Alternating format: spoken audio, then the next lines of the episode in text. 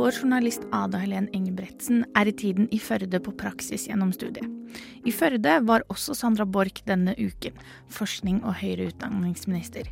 De to fikk slått av en liten prat. Sandra Borch mener at noen av hennes hjertesaker for studenter er å fremme studentene sine saker innen regjeringen.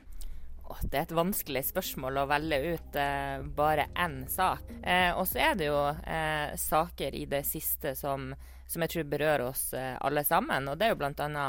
Eh, psykisk eh, helse.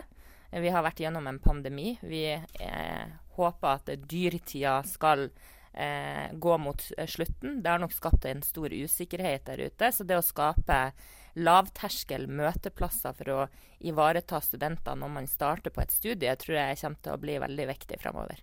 Borch beskriver utfordringer for studenter til å være slik. Det kan være alt som eh, trivsel på studieplassen sin. Det kan være eh, Selvfølgelig er jo studiestøtta oppe til diskusjon. Eh, og jeg mener jo vi løfta den betydelig eh, i fjor. Aldri før vært ei så stor økning på 15 år. Eh, det var en viktig prioritering for regjeringa. Det at vi også nå i årets statsbudsjett har lagt til rette for at hvis prisveksten ikke går som eh, forventa, men f.eks. blir høyere, så er det mulig å gå inn og justere studiestøtta hvis vi ser det skjer. Når det kommer til studiestøtte, har hennes forgjenger Ola Borten Moe nektet å øke studiestøtten over det som blir sett på som vanlig, altså etter konsumprisindeksen, NSO har i lengre tid uh, ytret et ønske om å binde studiestøtten opp i grunnbeløpet i folketrygden. Neste år er det også lagt inn i statsbudsjettet at studenter kommer til å sitte igjen med ca. 400 kroner ekstra i måneden. Noe flere har tatt til orde for kommer til å bli slukt opp i høyere levekostnader. Borch sier selv på spørsmål om hvordan hun skal vinne tilliten tilbake hos studenter etter Ola Borten Moe, at hun ønsker ikke å sammenligne seg med han, og viser til at hun selv var i studentene sine sko for ikke så lenge siden. Nå er ikke jeg så opptatt av å sammenligne meg med Ola Borten Moe. Jeg mener han har gjort en god jobb på feltet. Eh, men jeg tror jo at jeg, eh, som også har erfaring fra å være student, eh, studert juss på Universitetet i Tromsø, har levd studenttilværelsen, kan være med og styrke meg inn i, inn i det talerøret som jeg skal være for studentene. Marianne Clausen og Felles klagenemnd har vært mye i media denne høsten. Emneknaggen har blant annet hatt en hel episode om dette. Borch svarer slik på våre spørsmål rundt nettopp dette. Nå vurderer jo vi i eh, departementet både ny eh, leder og hva som skal skje med de eh, sakene som har vært til behand behandling når Klausen eh, satt.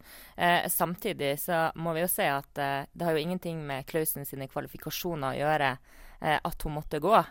det var en feil som var gjort ifra eh, departementet en saksbehandlingsfeil, eh, så har vi òg sett rettssaker i det siste som har støtta opp eh, rundt de vedtakene som klagenemnda har gjort i Klausen sin periode. Hva slags eh, konsekvenser kan det få for de studentene som har blitt eh, vurdert under Klausens ulovlige periode? Nei, Det er jo noe vi vurderer, og det kan godt hende at noen saker må gjennomgå på nytt, der man ser at eh, sammensetninga av eh, nemnda ikke ikke har vært eh, etter eh, forskrift og lov. men det er noe departementet nå vurderer. Når er det vi kan få svar på hva som skal skje med de studentene? Nei, det må man jo vurdere fra sak til sak. noen saker har det jo ikke vært eh, vært gjort vurdering om å ta opp på nytt, fordi at da har nemnda si sammensetning eh, vært god nok. Eh, og så er jo jeg opptatt nå av å få på plass en ny leder eh, kjapt, sånn at man eh, kan komme i gang med det viktige arbeidet som nemnda skal eh, gjøre. Nemnda har jo fått kritikk for at de har vært for strenge noen ganger, og at de har veldig mange saker som blir vurdert som fusk, i motsetning til de som ikke blir vurdert som fusk. Eh, er det noe som dere har tenkt å ta tak i framover og endre på systemet, eller gjøre slik at det blir færre saker som kanskje blir bedømt som fusk, eller at man får ta tak i den kritikken? Ja, jeg syns kanskje nemnda får litt sånn uh, ufortjent mye kritikk. For alle de saker nemnda får inn, kommer jo fra universitet og høgskoler som har uh, gjennomført disse eksamenene. Og så er det jo nemnda sin oppgave å vurdere de sakene opp mot det som er regelverket i dag. Eh, og det har eh, de gjort. Og så er det jo som med alle andre saker, at man har mulighet til å prøve det for retten hvis man er uenig i vedtaket. Nå ser vi jo at det har vært eh, bl.a. to rettssaker som ikke har eh, fått eh, eh, i, man ikke har gjort endringer i vedtakene som nemnda har gjort. Eh, så for min del, og for meg som forsknings- og høyere utdanningsminister, så har jeg full tiltro til at nemnda følger de, det regelverket som, eh, som, ligger der. Og så tror jeg vi må jobbe litt med, eh, litt med studentene etter pandemien. Eh, det å lære seg å eh, referere rett eh, tror jeg liksom er også noe vi må eh, bidra til at universitetene eh, jobber med å gjøre eh, studentene bevisst på hva som er regelverket i dag rundt eh, fusk. og så bare Et siste spørsmål, for du nevner de rettssakene som har vært. Eh, og Den ene angår jo en student som har blitt anklaga for selvplagering fordi at hun tok og skrev noe på en eksamen hun hadde strøket på, på en konteeksamen.